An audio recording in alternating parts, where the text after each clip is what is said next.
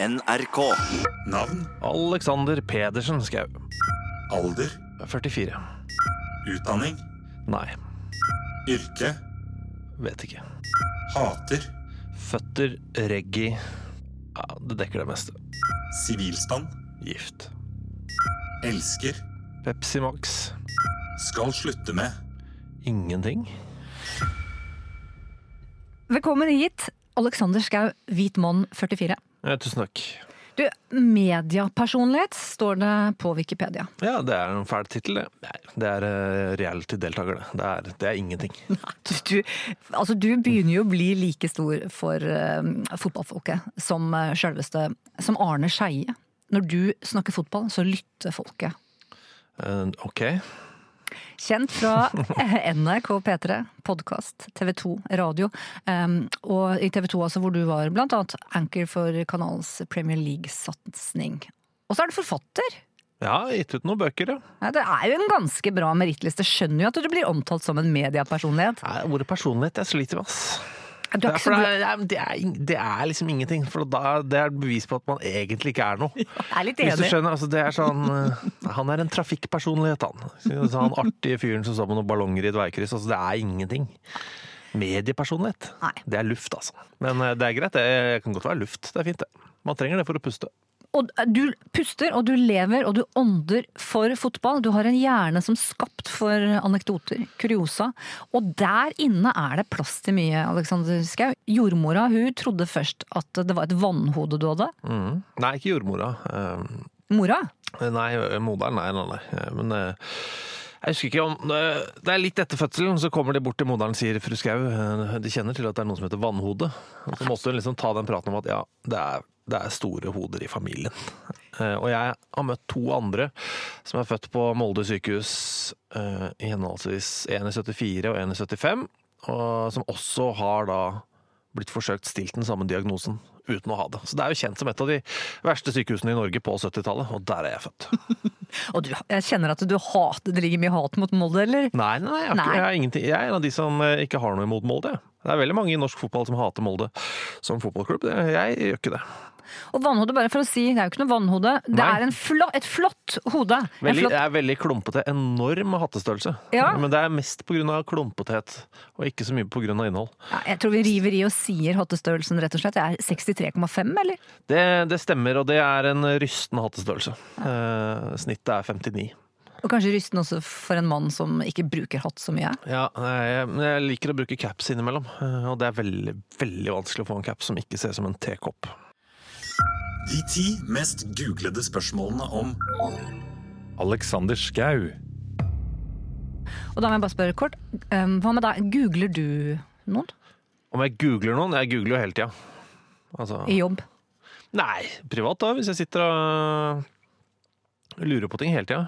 Og jeg er en av de irriterende som googler fryktelig mye. Eh, For jeg orker ikke sitte der når folk er sånn 'Å, hva heter han igjen som var i den filmen?' Han, eh, han er litt høye, men ikke sånn kjempehøye, som har hår og nese som kanskje er litt, bitte litt over snittet. Og fin stemme. Jeg orker ikke det, altså. Da googler vi det, og så går vi videre. Men du googler ikke deg selv? Ikke sånn Det har jeg aldri gjort, og det orker jeg ikke. Fordi jeg vil ikke vite hva som er der. Men bra verktøy i jobben, da. Eh, Google er jo eh, praktfullt. Altså, Google har gjort alt så mye lettere. Er- Du må liksom ikke til enhver tid holde et gammelt menneske levende, sånn at du kan spørre han eller henne. Nå kan du faktisk google det. Jeg følte ofte at det var litt sånn før. Nå må vi passe på at han ikke dør, fordi at eh, hvis han dør, så får, vet vi ikke åssen det gikk med Sheffield United på 30-tallet. Nå kan du google det.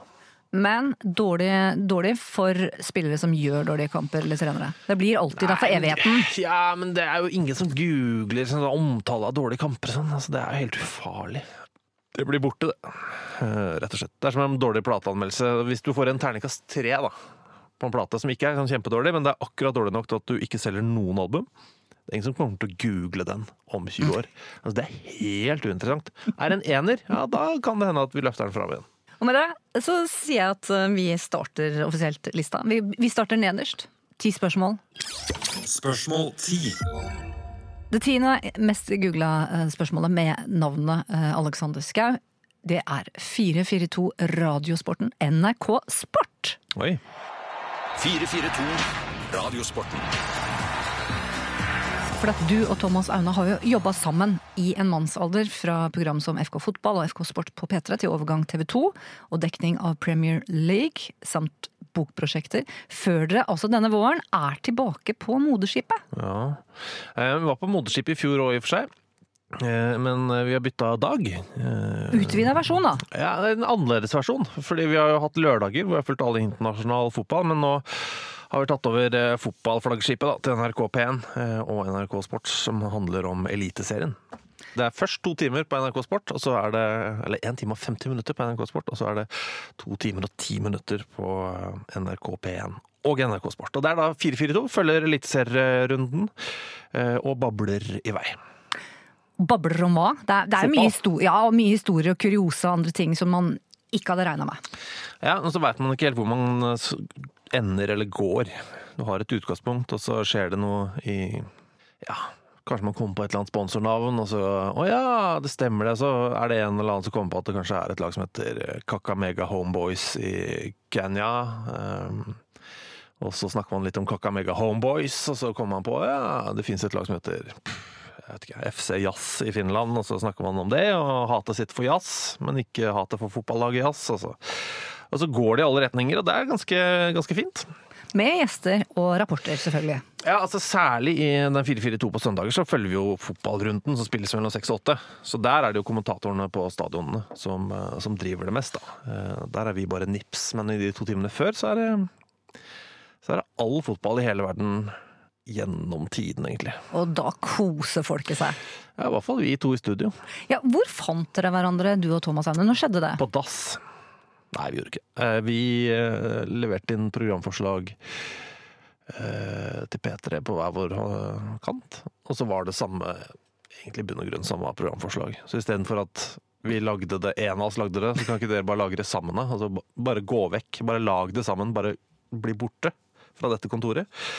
Så da gjorde vi det. Og det ble FK Fotball på søndager på P3 fra 2003 til 2010. Og nå nærmest legender. Det er lov å si. Nei, det er ikke lov å si. Eh, Det er en mediepersonlighet som er ordet, er det ikke det? Eh, Men eh, det er jo Jeg hadde flaks der, for han er den hyggeligste fyren i verden. Så det Jeg har ikke truffet gull mange ganger i livet, men det er der og kona. Thomas og kona, det er der jeg har truffet gull. Vi må snakke om Eliteserien. Og det har jo vært en utrolig uhyre spesiell sesong så langt. Altså få kamper spilt. Men altså Rosenborg sist på tabellen, Molde på topp per i dag, da. 6. mai når vi snakker sammen. Eh, og da må jeg spørre, hvor var du når Molde slo Rosenborg 4-0? Oi. Eh, det er sånn spørsmål som er helt sjanseløst for meg å svare på ofte. Eh, for jeg husker ikke resultater. Jeg husker alt mulig annet. Jeg kan fortelle deg nesten hvilken dato den og den spilleren bytta klubb. Jeg kan fortelle deg hvor mange kamper og mål han eller hun har scora, men resultater, det er mitt kryptonitt, altså. Men hva tenkte du da? Eh, Jeg tenkte oi, eh, dette var egentlig litt gøy. Dette er bra for sesongen, tenkte jeg. Eh, Sånn at ikke Rosenborg stikker av eh, med en gang, sånn som de alltid gjør. Eh, Det er alltid gøy. Og så tenkte jeg oi, dette er gøy for Molde, fordi jeg vet hvor mye de hater Rosenborg. Og så tenkte jeg jøssenavn, hva skjer i Rosenborg nå? Det er, det er så mye man tenker, da.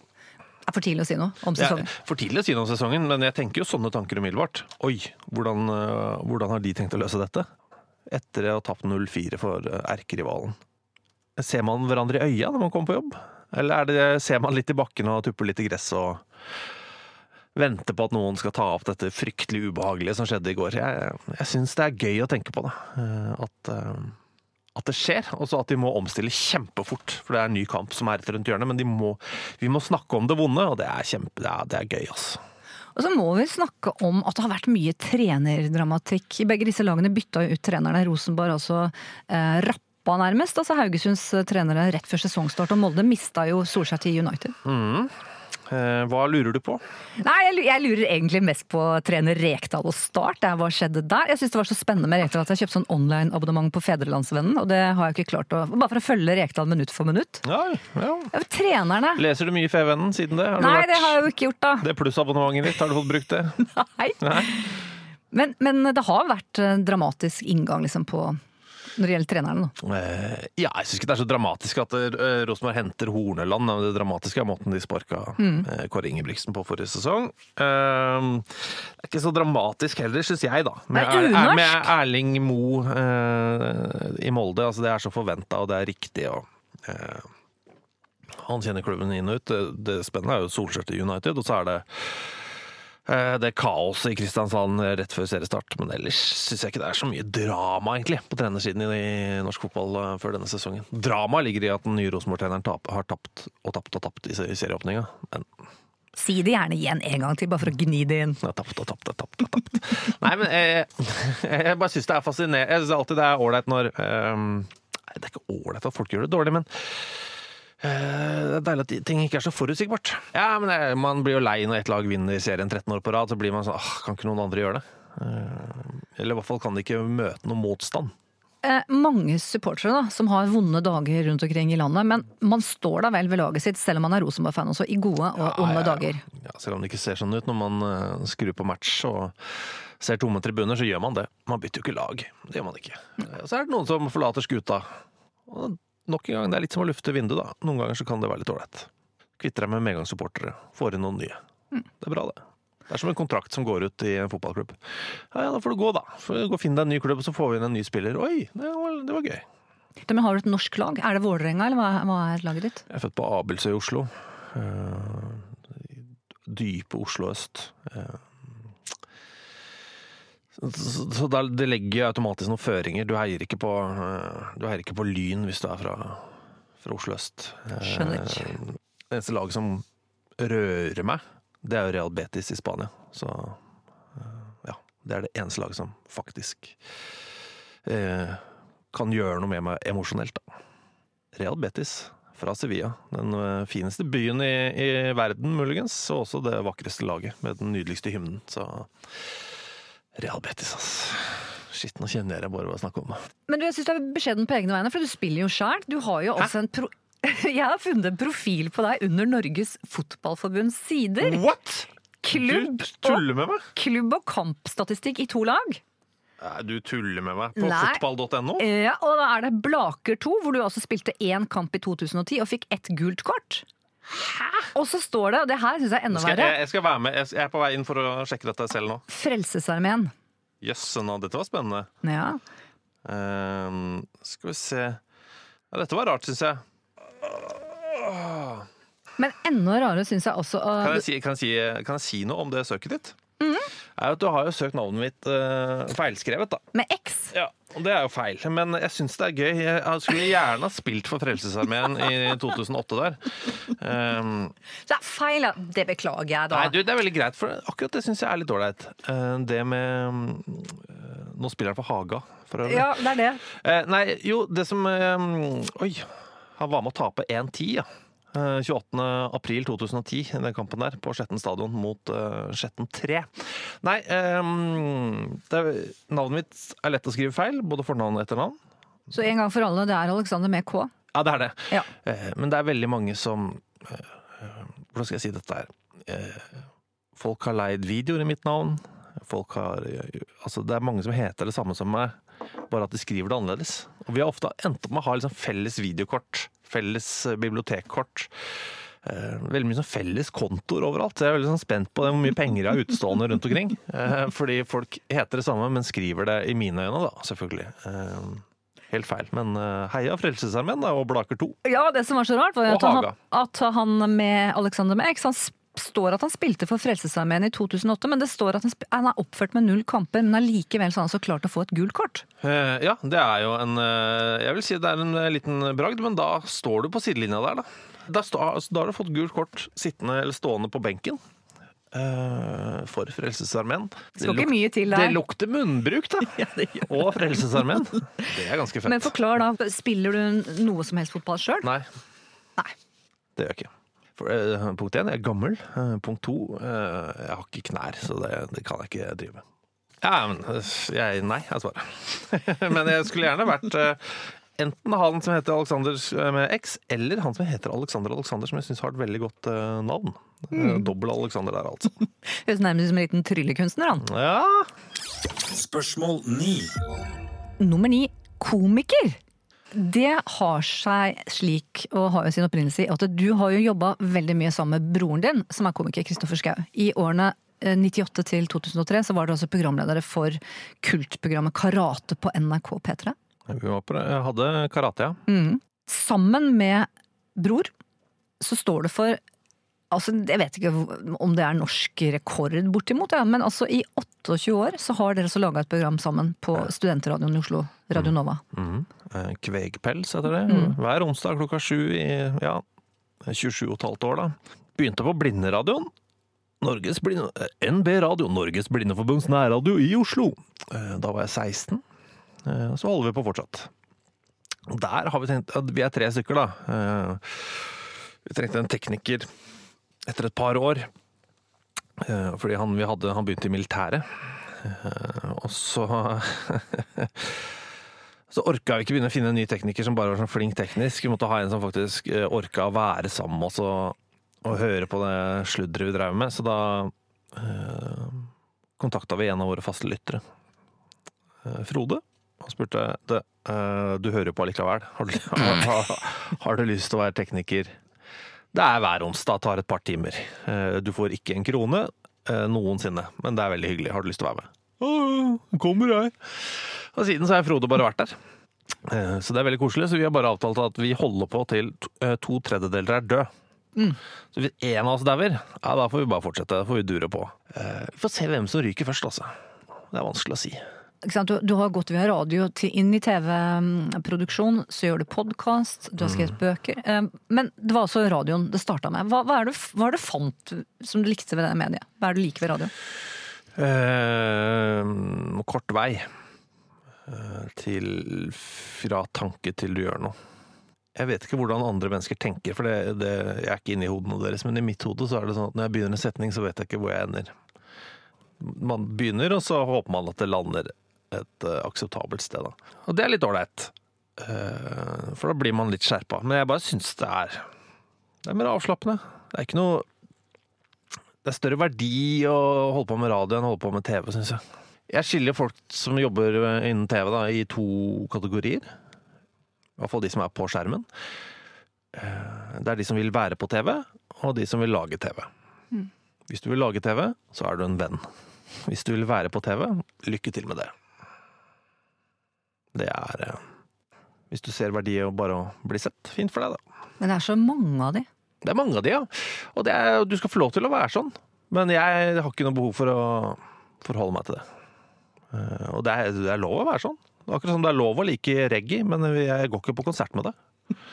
Altså, jo, men du skal få lov til å røyke, men jeg blir ikke med på røykerommet med deg. Det blir ikke noe TV-tryne her, nei.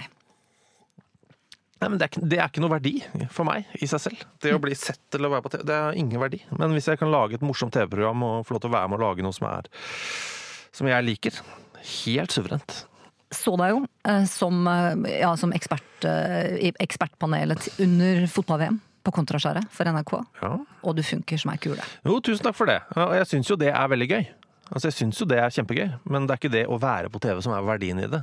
Verdien er å lage noe som jeg syns er severdig og gøy og hyggelig. Det er egentlig det er derfor jeg gjør ting. Misliker kjendisrollen. Eh, ja, men jeg er jo ikke det. Jeg er jo bare en mediepersonlighet, ifølge Synnøve Svabe fra NRK.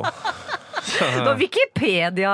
Wikipedia. Er det Jeg siterte- Wikipedia? Ja, jeg siterte Wikipedia. ja, ja, men ifølge Wikipedia så er Mini Jacobsen én meter høy, så du skal ikke stole på alt som står der. Spørsmål åtte.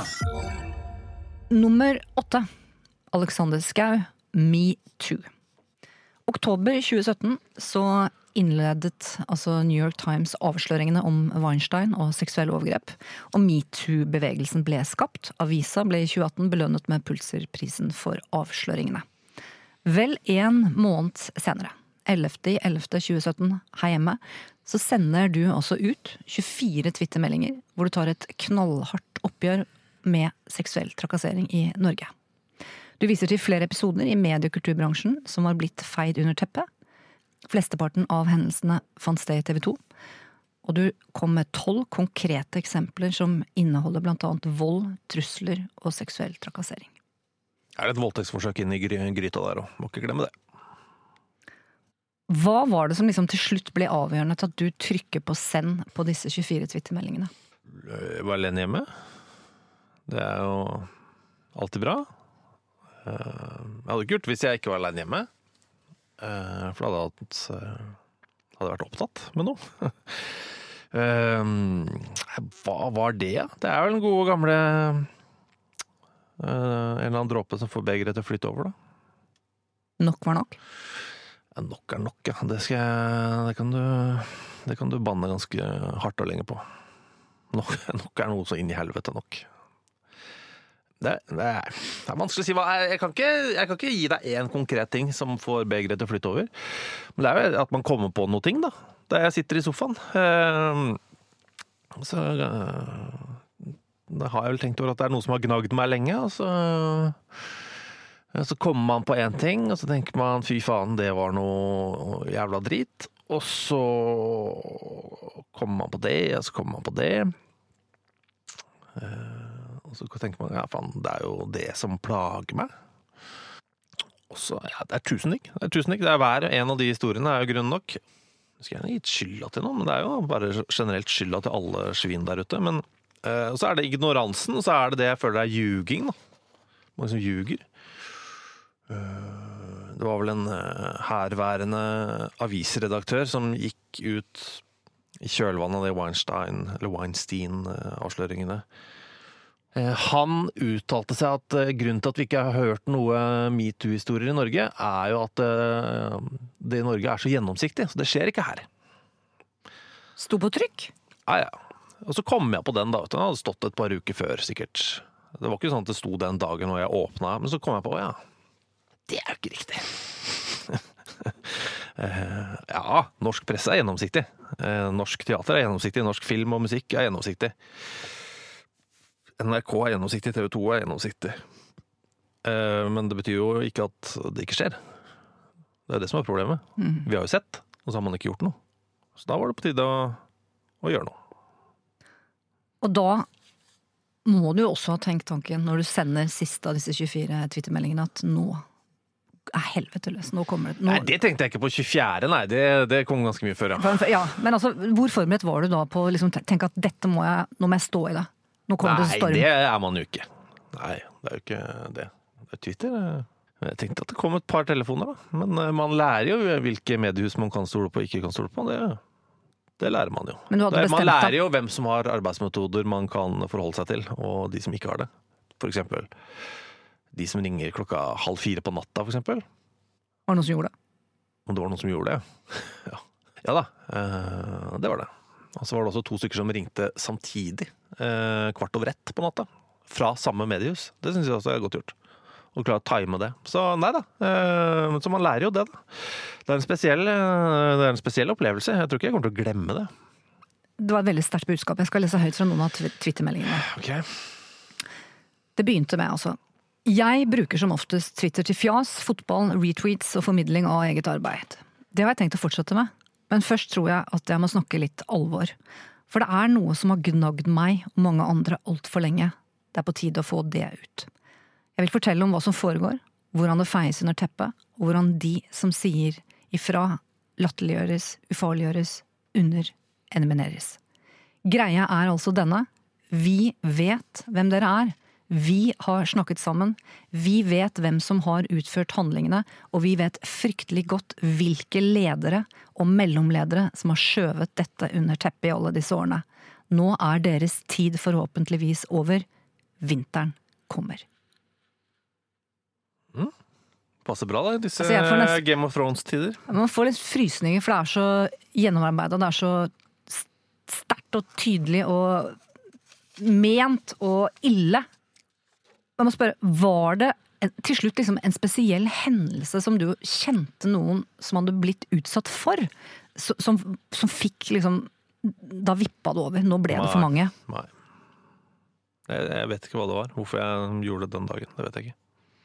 Det kan jeg ikke, det kan jeg ikke svare på. Du hadde jo baller, fordi at dette her er jo eh, perifere, eller kollegaer. De jobber samme sted som deg, eh, og du skal på jobb igjen dagen etter. Nei, det skal jeg jo ikke. Eh, For på dette tidspunktet så er jeg jo selvstendig næringsdrivende. Jeg har ingen eh, Du skal møte det igjen. Ja, det, det, ja, det har jeg jo gjort og kommer jeg til å gjøre. Jeg møter jo folk igjen, ja, ja. Eh, Fordi det er et bitte, bitte, bitte lite land vi bor i.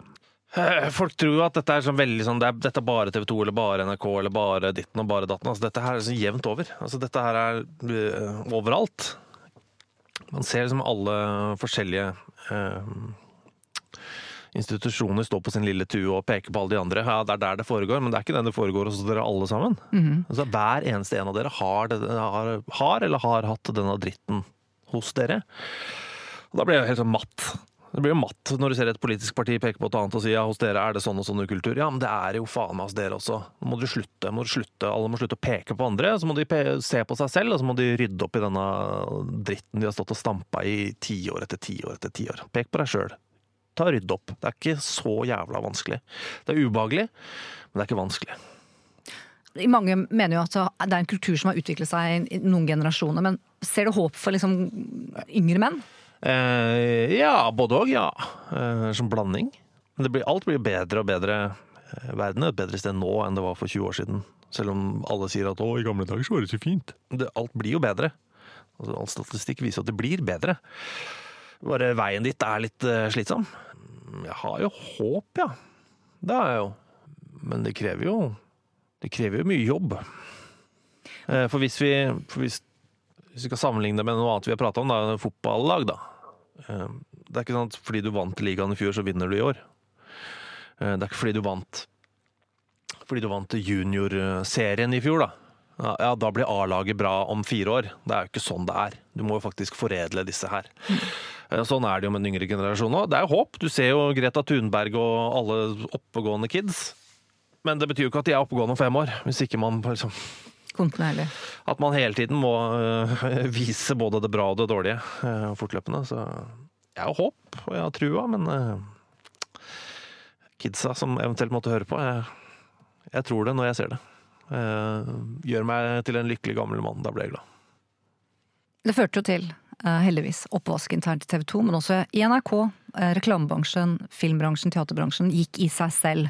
Um, Det kjempebra, det. Og det er mange som slår seg selv på brystet over all den jobben de har gjort, men øh, den jobben er ikke ferdig. Så uh, må også si det. Hei på dere musikkbransjen. Rydd, da. For de var de eneste du ikke nevnte, så jeg bare tar det med i, i, i rekka der. Regner du deg selv som feminist? Jeg er ikke så opptatt, eh, bare så lenge jeg ikke er mediepersonlighet, så er jeg egentlig ganske fornøyd. men men eh, eh, hvis det gjør noen lykkelige, så kan jeg godt være det. Men jeg støtter jo saken, eh, som man jo forstår. Så jeg sier ja, jeg kan godt være det. Du skrev avslutningsvis jeg håper at de som blir utsatt for sånne episoder, samler seg og går i flokk. Det blir slitsomt, men dere kommer til å vinne. Dere er ikke urokråker eller hysteriske, dere er ofre for avskyelig oppførsel.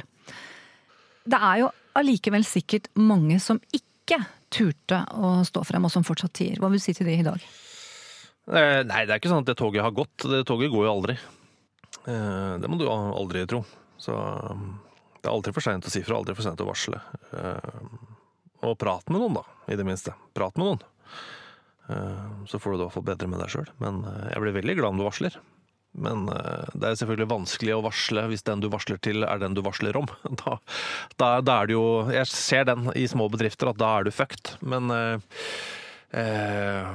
se litt stort på det. Se, har, har bedriften din en utenlandsk eier? Har du, altså, har du noen andre muligheter her, da? Og så er det aldri din feil. For å si det sånn, still deg selv spørsmålet hvem er den slemme her? Er det du? Som oppfattes som litt bråkete og masete fordi du sier fra om noe som skjedde for ti år siden? Eller er det det rasshølet som hadde henda ned i buksa di? Hvem er det som har gjort noe gærent her? Det er, altså hvis du stiller deg det spørsmålet, så blir ting ofte mye enklere.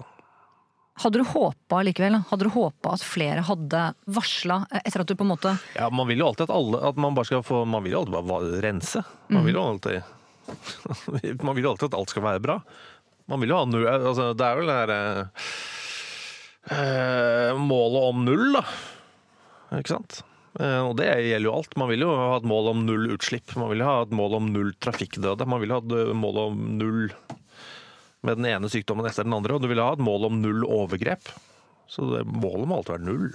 Eh, Hvis du ikke har det som mål, da, får du flytte ut i, ut i skauen et eller annet sted og bygge deg en lavvo og bo der og resten av dine år. Du har også blitt, eh, selvfølgelig, hylla av både kvinner og menn i hele landet. Du viste ekte medmenneskelighet. Nærmest som Arnulf Øverlandsord, altså du må ikke tåle så inderlig vel den urett som ikke rammer deg selv. Um, klarer du, sånn i ettertid, Alexander, eh, å se at, at det var en modig handling som det står respekt av? Jeg veit ikke. Um, for meg er det bare litt som bare Det skulle bare mangle for meg, da, tenker jeg. Altså, det er jo sånn det bør være. Man bør jo si fra. Uh, det, tar jo ti- det tok jo meg tid å si fra. Altså, jeg, jeg ser jo at det er vrient. Det er ikke noe sånn åh, nå skal jeg gjøre noe kjempelett. Sende ut noe, en liten julekalender med tweets, og så ja, Det blir sikkert kjempelett, men uh, det skulle jo samtidig bare mangle. Hva slags reaksjoner har du møtt sånn bare? Er det noe du husker? Det er jo masse. Så det er jo både gode og dårlige inntrykk, det på en måte. Um, Man har jo hørt historier som, man, eh, som er av en sånn grad at eh, det blir litt mørkere i rommet, for å si det sånn. Men, eh, men også veldig mange hyggelige meldinger fra folk som sier sånn tusen takk og sånn. Så det er jo Det var veldig hyggelig, det. Altså, sendte, hvilken dato var det? 11. november? Var det? 11. 11. Ehm, og da øh, er det sånn rett før julebordsesongen. Det husker jeg. Det var mange som sa at oh, endelig så kan jeg gå på julebord uten å være livredd for å bli tafsa på. Ehm, og det syns jeg var fint. Det var, øh, det var en god julebordsesong for mange. Og det er jeg glad for. Selv om jeg vet jo om folk som ikke klarte å holde seg sine skinnet også denne, den julebordsesongen. Men for folk flest så ble det en mye bedre altså for, for, for flest i min bransje, og de relaterte bransjene, så ble det en bedre julebordsesong, og det, det setter jeg jo pris på. Takk skal du ha, Alexander. Nei, du, det er bare, hyggelig, det. Spørsmål sju. Alexander Skau. Solskjær. Han har jeg hørt om. Du fikk han altså alene, eh, sammen med Thomas Aune, kollegaen din, i 87 minutter på et hotellrom i Manchester 5. mars. Det vil jeg kalle et scoop. Ja, jeg skjønte det, at det, det var det. Digg. Eh, Det var deilig, deilig det. Eh, På rom 308 der, på det hotellet ute på flyplassen i Manchester. Hei, velkommen til fotballklubben episode Episode 149. Eh, Jeg sitter på eh, det hun i resepsjonen omtalte som eh, I am sorry, sir, it's a big room. Eh, Jeg ba om en, eh, et rom med én seng. Fikk seks sengeplasser. Ja. Eh, På en av dem sitter, eh, sitter han fyren som nå er manager i Manchester United. eh, Ole Gunnar. Hei. God dag. Ja, hyggelig velkomst her, for å si det sånn. Ja, det var det. Ja da, ligger her på senga. Det er fint, det. Ja, for du, du ligger i senga mens vi står rundt deg. Det er, det er sånn vi har tenkt oss å, å spille inn denne. Hvilken Stone Roses-låt er favoritten? Waterfall ekskludert. Det er ikke tvi... Det er um, This Is The One. Det er den som vi sprang ut på Old Trafford med. Det, det var Gary Neville som fikk uh, lagt inn den. Innvarsellåta, på en måte? Ja, nei, altså Med unntak av hyggelige hei og hallo og en liten prat etterpå, så er jo det hele praten av de 87 minuttene. Eh, Vi har jo ikke fjerna noe eller redigert noe. Um, Og det la vi ut da på podkasten vår, Fotballklubben. Uh, Og det var uh, veldig hyggelig, og ikke minst informativt, syns jeg. Jeg lærte masse. Og det her er altså et intervju som skjer før han blir annonsert som permanent manager for klubben, for det skjedde altså 28. mars. Og dere møtte han 5. Det stemmer. Men så viser jo senere ukene da at Ole Gunnar Solskjær klarer ikke helt jobben han blir satt til å gjøre som Mourinhos etterfølger. Han klarer ikke å naile fjerdeplassen i den engelske ligaen, og får dermed ikke spille Manchester United også Champions League neste år. Enig i at det er en stor, stor skuffelse.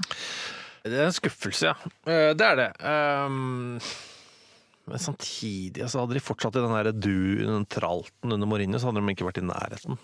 Um, Og han tok dem jo til å være i nærheten av å klare det. Uh, Og så er det en enorm formsvikt på slutten her. Så det, det er alt alltid så innmari sånn svart eller hvitt, da. Med de store klubba. Manchester United og Manchester City og Liverpool og, og Chelsea. Sånn. Det er enten så er du helt udugelig og du har ikke sjans, eller så er du wow, du er det beste som noensinne har vært. Altså, ingen klarer å se at det er et eller annet sted imellom der. Det er ikke nødvendigvis midt imellom engang. Det kan være tett opptil en av de to øh, hva heter det for noe? øh, utkantene. Men det er et sted imellom, og sånn er det med Ole Gunnar òg. Han er jo ikke et geni, men han er ikke en idiot. Eh, Han er en, øh, han er en grundig og flink fyr som øh, kanskje eller kanskje ikke er riktig mann for Manchester United. Det går ikke an å felle den dommen nå. Og sånn er fotball. Eh, man kan, i hvert fall i en liga som Premier League, men også i La Liga f.eks., og også i Bundesliga, så kan det beste laget eller et av de beste lagene fint tape for det laget som ligger i bånn. Det er gode fotballspillere, gode fotballag. Det skjer. Men Manchester United er jo også en ekstremt holden klubb med et Ja, sinnssyke stjerner. Hva er det som er gærent med lagmoralen? Nei, jeg tror ikke det er moral, jeg tror bare bygging. Det er sånn når du bygger, hvis du bygger et uh, Hva skal vi si, da? Hvis du skal bygge nytt rådhus i byen, da. Og så har eh, entreprenøren, altså, så er det det firmaet som skal sette inn vinduene. Jeg er ikke så interessert i jobben, egentlig. Eller kanskje de ikke er eh, Kanskje de har veldig dårlig kjemi med de som bygger rammene rundt der hvor vinduene skal puttes inn. Eh, Og så har de som eh, bygger det ramme, rammene akkurat der, som har liksom det finarbeidet der å gjøre, veldig dårlig kjemi med de som har hele jævla reisverket. Og så, så blir det liksom en litt sånn kjip arbeidsplass, da. Eh, og, det, og ja, så blir huset sånn ah, Det er litt mye feil på dette huset. Litt mye feil. Må hele tiden ringe. Du, jeg kjøpte dette huset av dere for to år siden. Nå sitter døra fast. Skjønner du? du motoren på vifta. Eh, Den bråker fælt. Eh, Og det er en del, sånne, det er en del bråkete motorer, da. Men hvor trist er det her for idretten? Altså disse stjernenykkene, divanykkene. Det er ikke nødvendigvis nykker. Folk skal alltid snakke om nykker. Det, jeg syns ikke det nødvendigvis er riktig. Da. Noen ganger bare så, så funker det ikke. Det er personkjemi, og det er så mye annet. Noen eldes for eksempel veldig fort, mye fortere enn man tror. Ja, i fotball. Ja, Se på Wayne Rooney, for eksempel. Han var kjempegod allerede som 16-åring. Så ut som en 40 år gammel mann som jobba på, på kaia. Eh, og så fikk han han var, helt, altså, han var jo på et tidspunkt kanskje verdens beste fotballspiller. Folk glemmer jo det. Fordi man husker bare sein Wayne Rooney. Og så husker man den gamle prostituerte som- var eldre enn bestemora. Kjempegamle Ja, ja. som han betalte for å ha Ja. seg med. Men man glemmer at han på et tidspunkt faktisk sannsynligvis var verdens beste fotballspiller, og så, så fada han så hardt, da. Rundt 30. Fada hardt. Og sånn er noen mennesker. Fader hardt. Det er fysisk og psykisk superkrevende å drive med de greiene der. Men noen du alltid kan stole på, det er blodtørstige journalister. Og nå begynner selvfølgelig svertekampanjen i pressen. TV 2 skriver i dag er Solskjær rett mann for Manchester United. Vi har ikke sett noen utvikling i laget etter at han tok over. Ja, Det er helt streit å spørre om det. Storklubb og Manchester United er utafor topp fire og fryktelig formsvikt, så må man stille det spørsmålet. Det er, så er, hvis du ikke stiller det som rettighetshaver, så er du en dårlig journalist. Eh, og det er det jo ikke i TV 2. Det er jo flinke folk. Så, så det spørsmålet må du jo stille, for det ville vært veldig rart om de bare Altså, de var med på oppturen, da får de jaggu meg være med på nedturen òg. Det er litt norsk da. da. Liksom, først så elsker vi at Solskjær forblir manager, og nå skal vi ta han. Ja, nei, det er ikke snakk om å ta, men da er resultatene veldig dårlige, da. Prestasjonene er veldig dårlige. Da må man jo stille det spørsmålet. Det er jo helt eh, Det er jo fair. Det er fair, det. Men det der eh, halleluja-greia ja, i starten der, det var jo pinlig innimellom. Det var jo ja, ja, men det Det er litt sånn Er Norge, da. Ja, men det er litt sånn eh, Ja, det Hva er skal vi si? er Sånn Justin Bieber kommer og sier oh, Norwegian girls are so pretty. Så er det liksom Norske jenter er de fineste i hele verden! Og så er det fram med 17. mai-tog og hurra, hurra, liksom. Eh, men vi er jo litt sånn. Det er jo men, På én side så har man lyst til å kritisere det, men samtidig så er vi jo litt søte, da.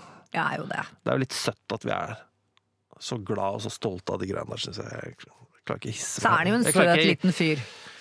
Nei, si, du kan si mye om Ole Gunnar, som er ikke søt lenger. Det tror jeg ikke han ville vært enig i. Han, Nei, men altså, han er- han er altså, han, Jordnær, jordnær, mente jeg. ja, men han er jo 45. Ja, jo da. En 45 år gammel gråhåra fyr. Jeg tror han syns det er greit at jeg sier at han ikke, ikke er søt. Nei, er. Men han er ikke noen spradebasse. Nei, men han blir sikkert søt når han blir veldig gammel.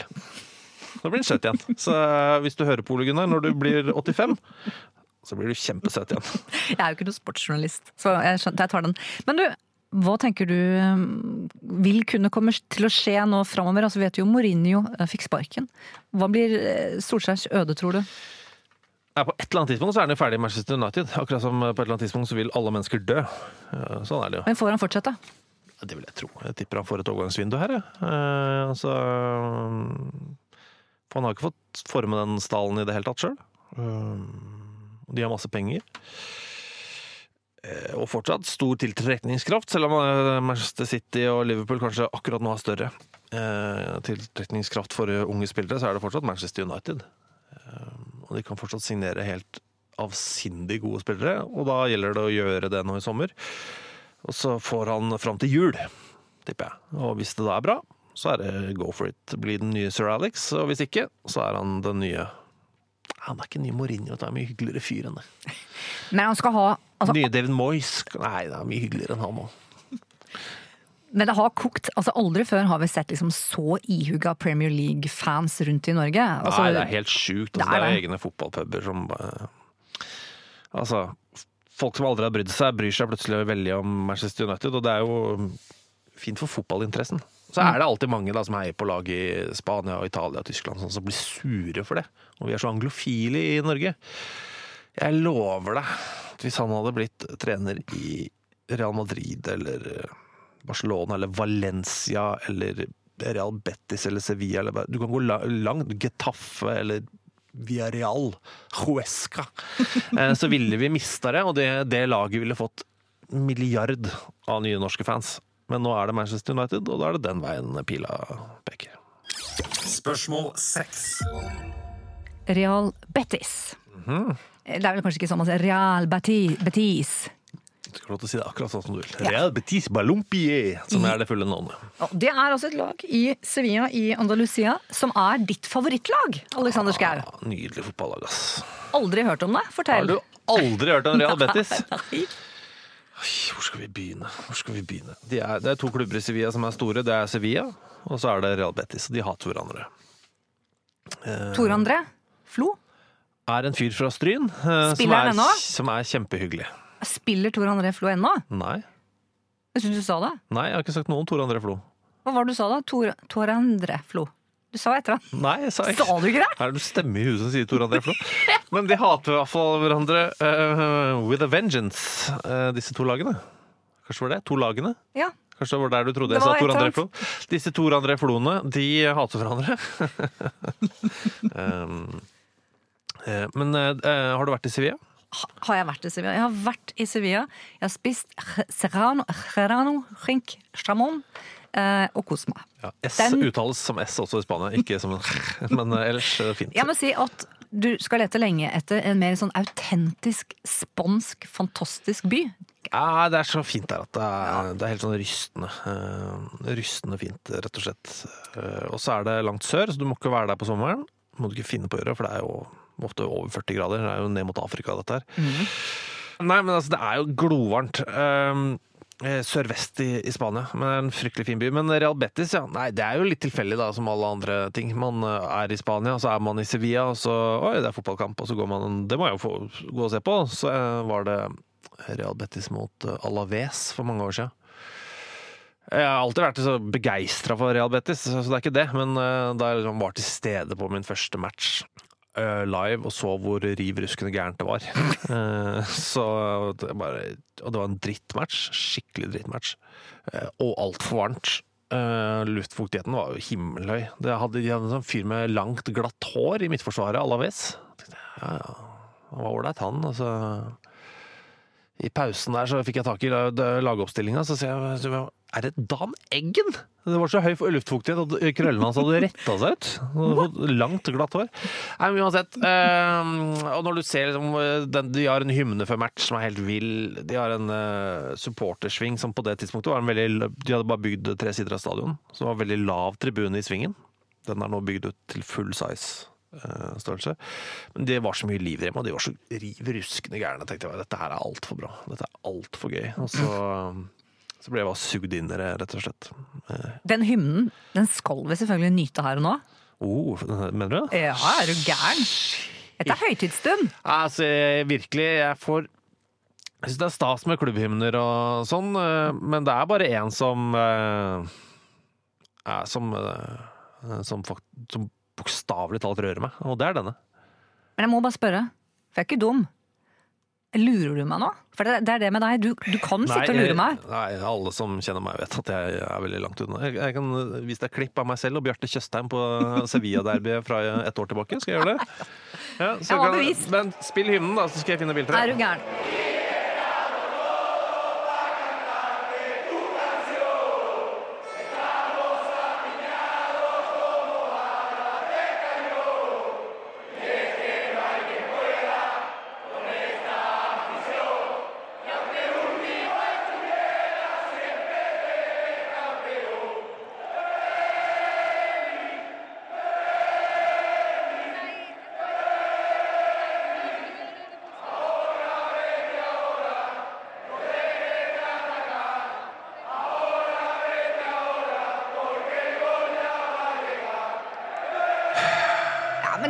Nei, deg. nei, nei, nei, nei. nei. Du slipper ikke unna noe. Nei, men du skjønner greia. Det vil ikke være den dummeste i byen. Det er ikke sånn podkast jeg lager. Du får slippe å være den dummeste i byen. Jeg elska Tom Lund, jeg. Jeg bodde, vokste opp på Lørenskog. Og da hadde jeg en kassett med Kanarifuglene, og den spilte vi i bilen jeg var sju-åtte år. Ka, ka, ka, ka, kanarifugl, kanarifugl. Her er en film av meg på et uh, håndverksmarked i Sevilla. Jeg skulle, på, jeg skulle bare tisse, Ah, og så var det masse damer som drev og satt og hekla. men jeg har ikke Eh. noe bevis du har vært Der er den svingen som er bygd ut. Jeg ser. Og det er ryggen på Bjarte Tjøstheim. Nei, det er det ikke, for der er Bjarte. Der er han! Dere er der. Vi er der, ja. It's a wrap. Eh, til og med der er det et bedre bilde. Fornøyd nå? Ja, fornøyd. Godkjent. Greit, her har du hele svingen. Mm. Og fargene på drakta, bare hvis noen er, eh, lurer. Grønn og hvit, ja. Åh, grønne og hvite striper. Så jeg var på El Gran Derby, eh, som det heter. Det store derbyet mellom Bettis Betis og Sevilla i fjor vår. Uh, aldri sett Bjarte så redd i hele mitt liv. Du tar med Bjarte og ikke kona på sånt. Nei, det var en gave eh, av kona eh, å ta med Bjarte eh, på tur til Sevilla for å se Sevilla-match, faktisk. For ei dame! Ja, hun er, hun er altfor god for meg, så det er eh, Hun har skjønt det. Jeg tenkte det, få det i julegave. Å, herlighet. Ja, du skal på tur til Sevilla og se Betty Sevilla sammen med Bjarte. Så Da blir jeg, altså, det, det er for mye for meg. Under du passe på. Passe godt på henne. Jeg gjør så godt jeg kan. Spørsmål fem. Sykkel. Ja. ja, hvorfor står det sykkel? Jeg har ikke peiling. Eh, Å, jo, nei ja, jo. Det er jo en historie som involverer en sykkel. Ja. Kan vi få litt av den? Nei, Jeg kan få hele. Ja, Det går fort. den er sikkert god. Eh, Jeg har vært sjuk noen dager. Eh, Til de av dere som kjenner til geografien i Oslo, da jeg bodde på Grünerløkka, skulle til Marienlyst, der hvor NRK ligger. Så det er ganske stor høydeforskjell. Mye oppoverbakker. Eh, Høyde og høydeforskjell, men ok. Jo, men det er, eh, det er, vel, det er faktisk en del høydeforskjell. Du, det er oppover egentlig hele veien, eller flatt. Og så kommer man da opp til et sted som heter Bislett, hvor Bislett Games arrangeres osv. Der er det en rundkjøring. Så sykler jeg rundt denne, Dette er på høsten, dette her. Og så sykler jeg rundt rundkjøringa, og så er det en sånn siste kneik med noe som heter Norabakken. Som er en forhatt bakke blant alle sykkelbud, blant annet, i Oslo. Ha- altså, de hater den bakken fordi den er så bratt, og så er den sånn feil type bratt. Den ligger på en måte Du, du kan ikke sitte, du må reise deg. Uh, og så tar den aldri slutt, føles det som, selv om den ser kort ut. Og så kommer jeg opp i den bakken. Jeg er på vei til jobb, da. Og så Du vet det, hvordan det er å sykle på våte blader. Og så kommer jeg til det stadiet i bakken hvor jeg må reise meg på sykkelen. Jeg sitter, ikke sant, og så blir det tungt, så må du reise deg. Og det første tråkket da gjør at jeg sklir litt med bakhjulet på sykkelen. Ikke sant? Fordi eh, bladene er glatte og gir etter. Så jeg får en sånn eh, eh, Og så driter jeg på meg. Nei! Jo. Jeg har jo hatt omgangssjuke i, i noen dager der. Så der kommer det en øse bløtt i, i buksa, rett og slett, som bare er sånn OK, får jeg bare ringe broderen og si jeg, Jeg driter på meg, jeg ser som en time. Så da er det bare så snu, og så ikke sette seg på setet, og så bare sykle de nedoverbakkene tilbake igjen, og hjem og skifte. Og dusje, og, og, være, og kaste, ikke minst. Og kaste klær. Så det er vel der det kommer fra, tipper jeg, eh, ordet sykkel. Spørsmål fire. På nummer fire så står det Alexander Schou, og det står rett og slett Champions League. Eh, Når har du tenkt å legge ut denne podkasten? Dette er altså spilt inn 6. mai, så vi, dette er jo før vi vet hvem som da er de to laga som går til Champions League-finalen. Så du ikke blir tatt på noe her. Det er mitt ansvar, ikke ditt. Men hvis, hvis vi sier på generelt grunnlag, altså, hva kan vi si om de fire lagene som det har, har handla om nå i, i, i semifinalene? Barcelona, Ajax, Liverpool og Tottenham. Hva vil du vite, så tar vi det Bare si et lag, så skal vi ta det kjempekort og effektivt. Vi begynner med Barcelona, som har stjerner som Messi, Busquet, Suárez, Testergin. Jeg skjønte ikke hva det siste var, men vi, Jeg spurte sønnen min på elleve år, og William han sa Ter Stegen! Ter Stegen, sto det ja. Ja, keeperen Ter Stegen. Ja! Ja, undervurdert keeper, forresten. Eh, For meg. Verdens nest beste keeper akkurat eh, nå. eh, Mark Ter Stegen. Nei, Barcelona, det er Messi, det. Du har en dårlig dag, du, du ser ut som dritt, men så kommer Messi gående. Og da kan du, da kan du slå Liverpool 3-0, da. Eh, Så, så enkelt er det. Nå så det ikke ut som dritt, de så amazing ut i den første semifinalen, så det er ikke det jeg mener, men altså, du kan ha en fæl dag på jobb, men så har du Lionel Messi. Og da er livet verdt å leve. Da blir det to skåringer. Ja, altså han er Hvor gammel er han? Nei, han har runda 30 og er jo på en måte i karrierens høst. Men så god som han er, så, så vil han fortsatt være en av verdens tre beste spillere om ti år, hvis han gidder. Men han kommer jo ikke til å gidde. Han kommer til å legge opp på topp. Eh, Men sånn er Barcelona. Det er, eh, de har Lionel Messi, og det er egentlig alt du trenger å vite. Liverpool har Mohammed Salah og van Dijk, blant Nei, annet. altså Liverpool er jo øh, Hvor skal jeg si det? Liverpool-fansene er gærne. Sjefen min er Liverpool-fan. Er, eh, ikke sant? Eh, og han er nok gæren. Jeg vet ikke hvem det er, men han er gæren. Og det er greit. Eh, det er lov å være gæren, eh, så lenge du er det på en ålreit måte, da, og ikke spyr rundt deg med trusler og konspirasjonsteorier, så er det helt uh, topp at du er gæren. Men Liverpool er jo, man venter jo bare på at Liverpool skal klare dette her, da, og vinne noe stort igjen. De har jo ikke vunnet ligaen på en evighet, men uh, under Jürgen Klopp så ser de også de helt amazing ut. Og så er det denne Mohammed Salah. Ja, ja. Prinsen av Egypt. Som veldig mange har lyst til å tegne et, eh, et bilde av at han er en sånn kjempehelt hjemme i Egypt, men ikke nødvendigvis alle er enig i det, og det syns jeg alltid er litt fascinerende. Så nei. Noen er ikke enig i det. Andre syns han er helt um, altså at han er en halvgud, mens andre er sånn nei, hva har han gjort for Egypt? Og jeg syns det er litt gøy, eh, den dualiteten der. Men For en fotballspiller, gitt. Tottenham, da. Oi, oi, oi. Uh. Skål for Tottenham. Ja, det var skål for Tottenham. Ehm, de har en manager som ikke liker Barcelona. Det syns jeg er litt underkommunisert ofte. Fordi han var manager og spilte for Español, som også er en Barcelona-klubb. Eh, og som trener og manager i Español, så, må man hate Barcelona. Eh, og det er gøy. Det er sånn ekstra lite krydder, da. Det synes jeg er fint. Når Tottenham og Barcelona møtes med Pochettino som Tottenham-manager, så er det sånn Dette er helt genuint. Dette, dette, her, dette går jeg ikke med på. Han kan være så stor han vil på det. Han kan være så eh, rojal og fin og si nei, og verdig. Men innerst inne, inni hjertet sitt, så hater han Barcelona. Og det må man bare gi, gi ros for, da. En klubb som er så høyt elska over hele verden. Og så er det altså eh, Av de fire store, igjen så er det altså Ajax. Altså av de fire store denne sesongen i Champions League, da. Nei, Ajax er jo fascinerende. Jeg har jo aldri heia på Ajax i Nederland, eh, må jeg innrømme da. Og det er av Halvard Thoresen. Eh, Tidenes mestskårende utlending i den nederlandske ligaen. Han er fra Larvik, og han spilte for PSV, som er arvefienden til Ajax. Og jeg heier alltid på PSV da jeg var liten. Og Halvard Thoresen er tidenes beste norske fotballspiller, så det er en litt sånn eh, Jeg er veldig delt der. Men det er jo en morsom fotballklubb. Eh, Og så er det jo i en sånn situasjon at de er fra Nederland, så det betyr at de får et kjempegodt lag. Og så vil det bli rasert. For alle kommer til å kjøpe spillerne deres. Ja, for Jeg har en analyse her fra min sønn på 11 år. Et veldig ungt lag fullt av supertalenter. Kapteinen er 19 år. Sannsynligvis kommer halve laget til å bli solgt etter sesongen, men det er et lag bygd opp av egne rekker. Det er bra. Ja, Så han får bare få seg jobb i TV, han 11-åringen. Bare sysselsett den. eh, Start noe ordentlig godt barnearbeid. Det var bra oppsummert. Ja, det er egentlig det. Og så mm, er det jo sånn at de også støvsuger Nederland.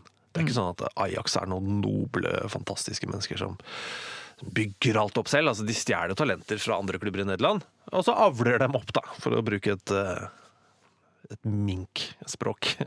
Det er avl, og så blir de gode, og så selges de, og så tjener de penger, og så henter de nye, og så Sånn går den runddansen i Ajax. Når det er over, da, så er det jo bare å begynne å glede seg til fotball-EM 2020, som også skal spilles i tolv forskjellige byer i tolv forskjellige land grunnet 60-årsjubileet. Gleder deg allerede, eller? Eh, Jeg gleder meg først til VM i fotball denne sommeren for kvinner. Jeg. Men eh, jeg gleder meg også til EM neste år, men jeg skal gjøre unna VM først. Jeg klarer aldri tenke så langt, faktisk. Men for norske supportere så er det jo høydepunkt som eksempel at kamp skal spilles i Parken i København, og semifinalene er ikke langt unna, for både semifinaler og finaler vil gå på Wembley Stadium i London. Ja, Så man kan få med seg festen. Ja, Du kan få med deg festen, men jeg liker jo ikke det konseptet om å feire når man arrangerer arrangere et mesterskap i tolv forskjellige land. Jeg syns det tar vekk Tar vekk ganske mye av glansen og magien, da. Men øh, øh, ikke noe mesterskapsfølelse. Ikke noe Men hvordan kommer det til å bli, tror du? Det blir jo fin fotball og alt det der, så sånn sett så blir det gøy. Men jeg bare syns selve sånn, følelsen av mesterskapet blir litt, øh, litt utvanna, da. Men det kan vi leve med. Fall hvis Norge er med. Da går jeg med på det meste. Ja, for Hva tror du om Norges gruppe F? Altså Vi møter Spania, Sverige, Romania, Malta, Norge og Færøyene. Og vi ligger også på femteplass i gruppa, bare foran Færøyene. Har vi sjans? Ja, vi har sjans, men jeg har ikke noen sånn god følelse. Det har jeg ikke. Nei, det er jo en klisjé om at det blir Spania og Sverige som går videre der, og jeg, jeg står vel på det. Reiser du over til uh, fotball-EM? Eh, Bare, bare hvis jeg skal jobbe. Eh, Men jeg kom, hvis jeg skal jobbe med EM, så tipper jeg at det blir uh, hjemmefra. Uh, Som det ofte blir. I fjor under VM for eksempel, så var det jo på Kontraskjæret. I i år under VM for kvinner så er det her hjemme i Oslo. Så vi får se hva som skjer neste år. Kan jo få deg et lite bord i parken da, i Kjøben? Ja, men jeg er ikke så glad i mye folk, så det går bra. Jeg har ikke lyst på et bord i parken. Ja, men Da hadde jeg kommet! For et jævla mareritt å sitte ved et bord i parken. Ja, men meg som dansk er jo nei, blir stressa. Punkt én, jeg skjønner ikke dansk. Punkt to, jeg drikker ikke alkohol, og da, blir, det er det ikke mye igjen. ass. Da er det pallplass. Vi har tre igjen. Kjør på. Um, hva tenker du rundt det? Hva, er det noe du tenker sånn Nå kommer det. Nå kommer det. Eh, pff. Nei, nå, jeg har ikke noe igjen, jeg. Og jo da. Vi har som oftest aldri noe igjen. Så, så, men eh, kjør på. Spørsmål tre. Nummer tre. Alexander Schou og Instagram. Hatteskap. Over 7000 følgende. Hva er det du bruker hatteskap til? Eh, eh, jeg syns det er imponerende at jeg hadde 7000 der. Litt over 7000 og 7100, tror jeg. Ja, det var mye, syns jeg, fordi jeg heter jo Hatteskap. Det skal jo ikke være mulig å finne. Uh, men uh, Hva legger du ut? For jeg, jeg vet ikke. Jeg har bilde av bihulene mine da jeg fikk bihulebetennelse. Så har jeg bilde av Bresjnev som tar en telefon i bar overkropp og bare trusa. Og så har jeg hun som jeg legger ut på julaften hvert år, som er eh, en dame som ser ut som Dr. Ruth, som eh, poserer i hvit joggedress foran eh, det som må være mange tusen doruller. En del engelske forsider. Avisforsider. Og så glemmer du noe veldig privat. Det er ganske privat. Det eneste som du legger ut av livet mitt, er altså de to brødrene eh, Flaks Ove Blankson og hans blinde lillebror Super. Ja, De er døde begge to, så der kommer det ikke så mange flere bilder. Men eh, Det er hundene dine. det er bikkjene. Er de døde? Ja, de ble gamle, vet du. Alderdom. Eh, Så der kommer det ikke så mye flere bilder, men det er veldig fine de bildene som ligger der, da. Det må jeg si. Men hva, hva primært er dette liksom bare for å holde stemningen oppe blant fansen, eller hva tenker du? Jeg har ingen begrunnelse overhodet, ingen strategi, og det har jeg vel ikke på verken Jeg har ikke strategi på generell basis i livet. Det har jeg ikke. Eh, Du er en flyter. Nei, jeg vet ikke det ville vært en, å ha en strategi. Nei, men altså, Du bare flyter på overflaten, ligger og vaker i vannet. Lar strømmen føre deg dit du skal. Nei, jeg tenker sånn i dag er det mandag, i morgen er det tirsdag. Og så spør jeg kanskje kona eh, har vi noen planer. Er ikke det? Nei, da kanskje se på TV og, og spille noe Spille noe fotballspill og vi- vi eh, ringe en kompis, gang. liksom. Ja, men det er ikke noe det, Hvorfor skal man drive med så mye? Altså, Det er så rart. Så du er en sånn fyr som ikke stresser i det hele tatt. Jeg stresser ikke. Jeg, jeg er sykelig pragmatisk. Eh, Rett og slett. Det er, altså, det er sånn eh, Hvis jeg skulle få et hjerteinfarkt, da, som jeg ikke dør av, Her og nå? ja, eh, så er ikke jeg sånn 'Å nei, jeg fikk et hjerteinfarkt'. Jeg Nei. blir jo ikke sånn. Du sier, sånn. Ok, da har jeg fått et hjerteinfarkt. Hva nå? Har det alltid vært sånn? Ja Jeg får ikke gjort noe med det. Jeg har jo fått det hjerte, jævla hjerteinfarktet.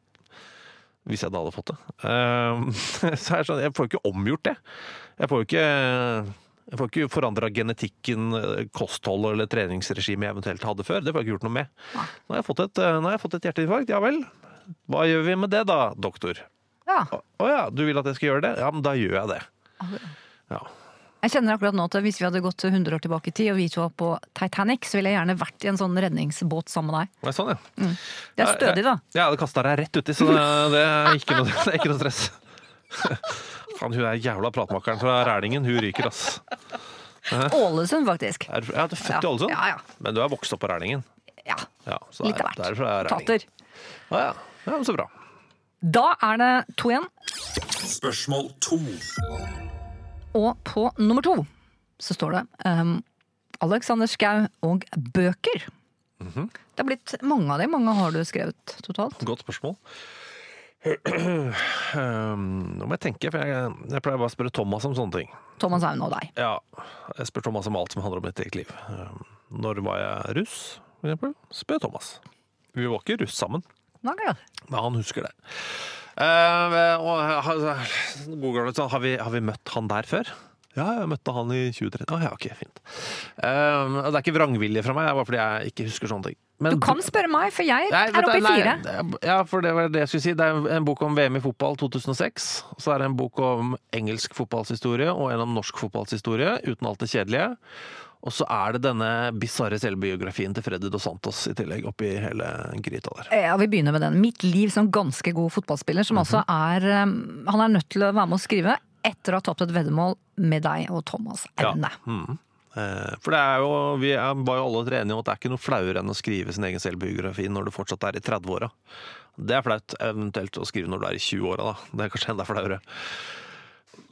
Veddemålet er at han må da skrive et kapittel, og så skal vi sende det til de tre store forlagene, og så skal vi lese avslagsbrevene høyt på radioen.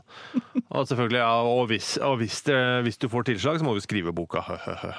Og så sender vi det til Cappelen, Aschehoug og Gyldendal. Og både Cappelen og Gyldendal har lyst til å gi ut den jævla boka. Fantastisk Så da er vi fucked, da. Da, da ender vi opp med å skrive med å skrive selvbiografien hans. Så skal jeg være helt ærlig, så syns jeg den ble dritbra. Jeg har bare lest bakpå, og der står det en eh, bok eh, om en liten tjukkas, en Mm. liten tjukk gutt med krøller, som kunne sparke og ble fort en viktig spiller på Skeid, Molde og Vålerenga. Helt sånn genuint sånn eh, objektivt så syns jeg den boka er kjempebra. Eh, Freddy er eh, Han har jo skrevet mye av den sjøl også. Veldig flink til å skrive. Eh, så det kapitlet om eh, om der han blir født, og for det rare navnet sitt, og også om den første kontrakten hans, syns jeg det er, det er Altså, han kunne fint vært forfatter. Det er bare å gå på biblioteket. Men du, Ja, en, jeg tror den er utsolgt også, så ja, du må det. ja. en annen bok da, som jeg tenker er essensiell, er jo Det vakre spillet. Altså hva er um, Det vakre spillet? De sykeste og mest underholdende historiene fra fotballens hjemland, England. Og, og da forklarer dere jo egentlig ganske godt hvorfor engelskmennene starta denne sporten for over 1000 år siden. Hvordan det begynte? Ja, det begynte jo med at man eh, sparka en avkappa kroppsdel til en upopulær dansk konge. Mange tror det er hodet, men det er mye som tyder på at det første fotballen faktisk var en penis. Eh, og det Hvor har, man, hvor har du det fra? man ser det jo for seg, på en måte. Hvor har du dette fra? Nei, det er jo nedskrivninger, da. Altså, det er jo sjuke ting som er skrevet ned i engelsk historie. Så dette var den første ballen. Ja, altså det er jo eh, Flere av teoriene er at det er en dansk kongepenis, ja. Eh, De hadde jo en konge blant annet som var konge i var det fem dager? Nei, fem uker. Ekstremt upopulær. En danske. Helt så sjukt upopulær, så vi tror kanskje det kan ha vært han.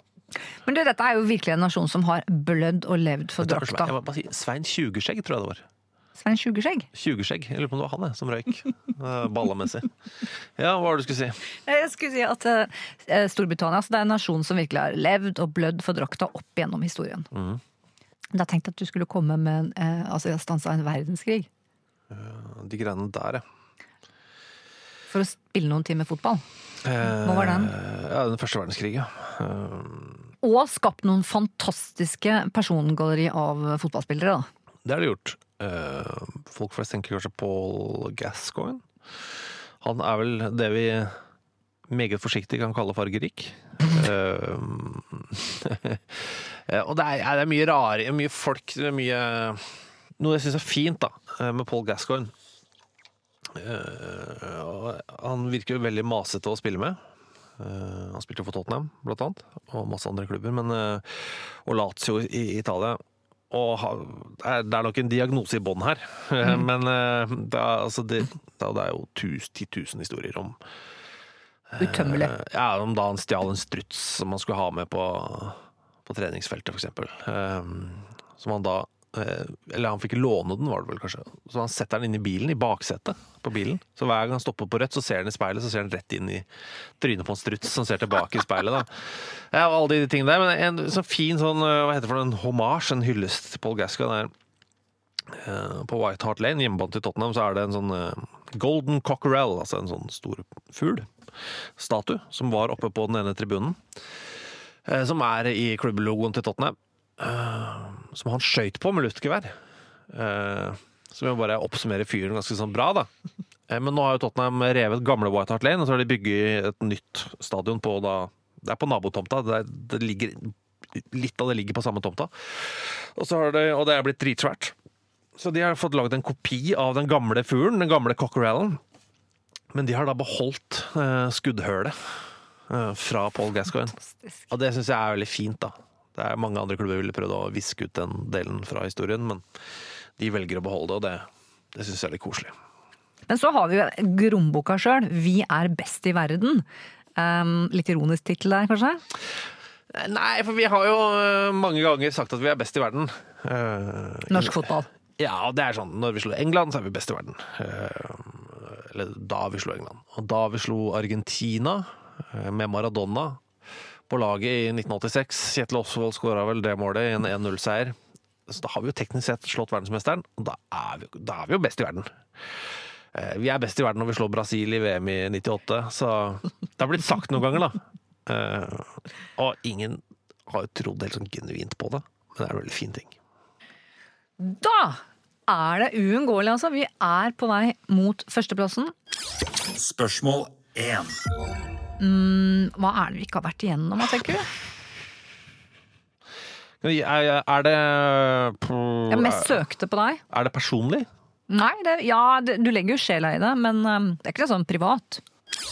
Det aller mest googlede spørsmålet er Nummer én er podkasten Fotballklubben. Oi, er det nummer én? Så koselig. Ja, det er jeg glad for. Ja, Det er hyggelig. Hylles til deg og Thomas Hauna, vet du.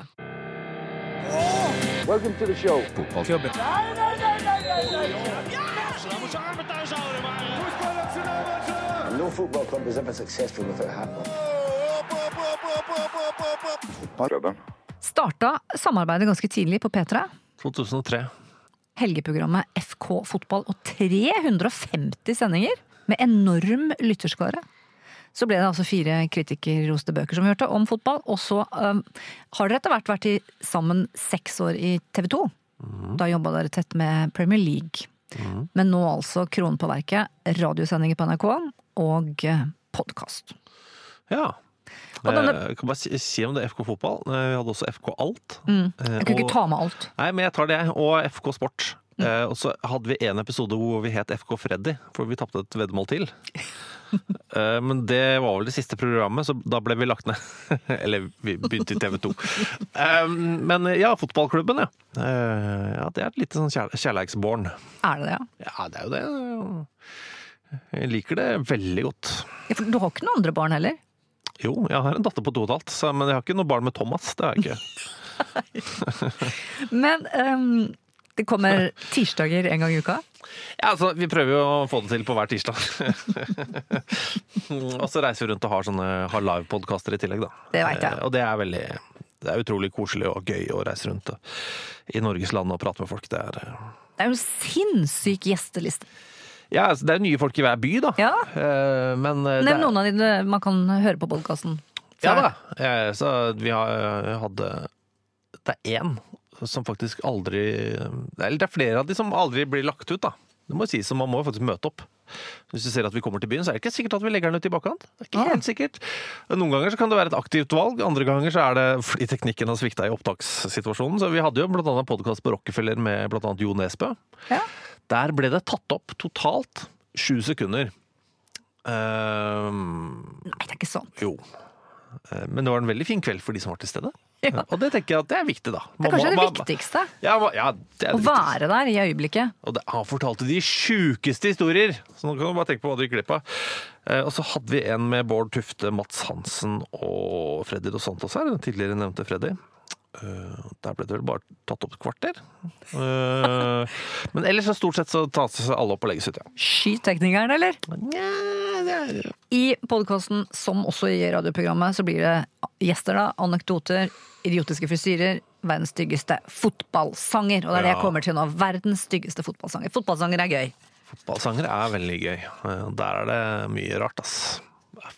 Jesus Christ, det er mye rart. Det er er vi på 1% som er bra, eller? Jeg nynner jo aldri på noe jeg liker. Jeg, jeg, jeg nynner bare på dritt. Eller på ting som er irriterende. Um, Jeg nynna blant annet på Volare hver dag i sju år. Sju år, altså. Volare. Altså, det Jeg du blir- Volare, Men Thomas og jeg vi er begge to blitt, sånn, blitt skada av å jobbe så mye med, sammen. Da. Så hvis vi hører et, eh, et navn, så synger vi det gjerne umiddelbart i en eller annen i rytmen til en fotballsang. Eh, og en av de som vi gjør, er Denne her er smal, altså, men i Tyskland så er det vanlig å ha en sånn eh, målhymne. Uh, Tårhymne. Så når det kommer et mål, så spilles det av en, uh, en liten sånn snutt over anlegget på stadion. Vattenscheid 09 har en låt som heter Tår, tår, tår, fyr Vattenscheid. I en sånn jævla hard, uh, utdaterte tekno-versjon. som jeg tror kanskje du kan få lov til å avslutte med. Som er Tår, tår, tår, vatten, Vattenscheid. uh, og den uh, synger jeg på Jeg skal ikke si jeg synger på den hver dag, det gjør jeg ikke, men kanskje en gang i uka. da. Og den er helt jævlig. Jeg skjønner. Mm. Alexander Schou, altså, blir det noe hvile og pause på deg? For her går det jo et sjaka m, hakka møkk. Masse hvile. Jeg er så glad i hvile. Ja, men får du det liksom Tenk, litt altså, på sommeren? jeg, hvis jeg kunne vært, valgt å bare være hjemme Mm. Altså, Jeg har lyst til å bli så rik, men jeg er jo ikke i nærheten av å være rik. Men Hvis jeg hadde vært skikkelig rik, så skulle jeg bare vært hjemme. Men du får litt Ja, og, i, ferie. og i Sevilla. Ja. Nei, i sommer er det VM for kvinner, da. Fra Ja. 7. juni til 7. juli. ja. Så nei. Nei. Høstferie, da. Du, Det har jeg aldri forholdt meg til. Påske, høstferie og vinterferie skjønner jeg aldri når det er. Jeg skjønner at påskeferien er i påsken, men jeg skjønner ikke når påsken er, så da er jeg fucked allikevel. og så er det alltid fotball, da. Så Nei, eh, pause, det jeg tar, jeg tar meg fri på torsdager, jeg. Det er gode fridager. Og fredager. Da er Alexander Schou-tid. Da er det ja, da er det metime, som du liker å påstå at jeg har. Men så er det mye fotballkamper som skal ses. Det ligger jo på 700 kamper i året, så må- må- det er mye å gjøre. Du og Bjarte skal på tur til Sevilla. Eh, Du, eh, Bjarte har veldig lyst til å se Barcelona på hjemmebane. Og jeg har sagt det skal du få lov til. Så mye som du snakker med, er det Bjarte som betaler? Eh, neste gang er det forhåpentligvis det, for jeg har ikke en krone. Så dette, dette må han spandere, og han er jo søkkrik. Selvfølgelig. Eh, eh, men hvis jeg skal anbefale noe, kan jeg gjøre det? Eh, Barcelona er veldig populært fotballag. Hipp for det. Gå og se de. Kjempegøy. Det er aldri kjedelig. Men eh, hvis du allikevel skal se Barcelona, de spiller som oftest på en lørdag, eh, prøv å dra eh, på stadion tidlig på dagen. Eh, for er, de har et sånt fotballmuseum der. Jeg synes det, det er helt uinteressant. Men med eh, en del av inngangsbilletten er at du kan gå inn på arenaen og bare sitte på tribunen og se utover et tomt Camp Nou. Og det er den mektigste bygningsopplevelsen jeg noensinne har hatt. Å sitte inne på et tomt fotballstadion med plass til nesten 100 000 mennesker.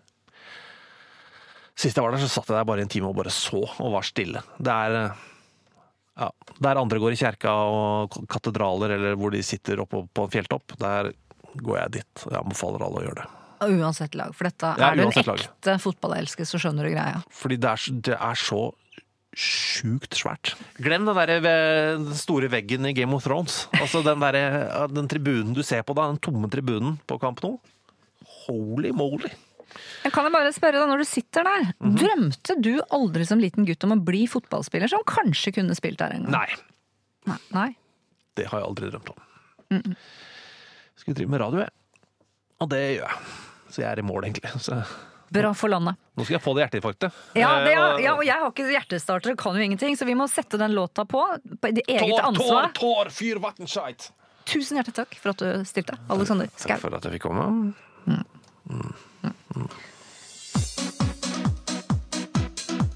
Ein Tor für Wattenscheid.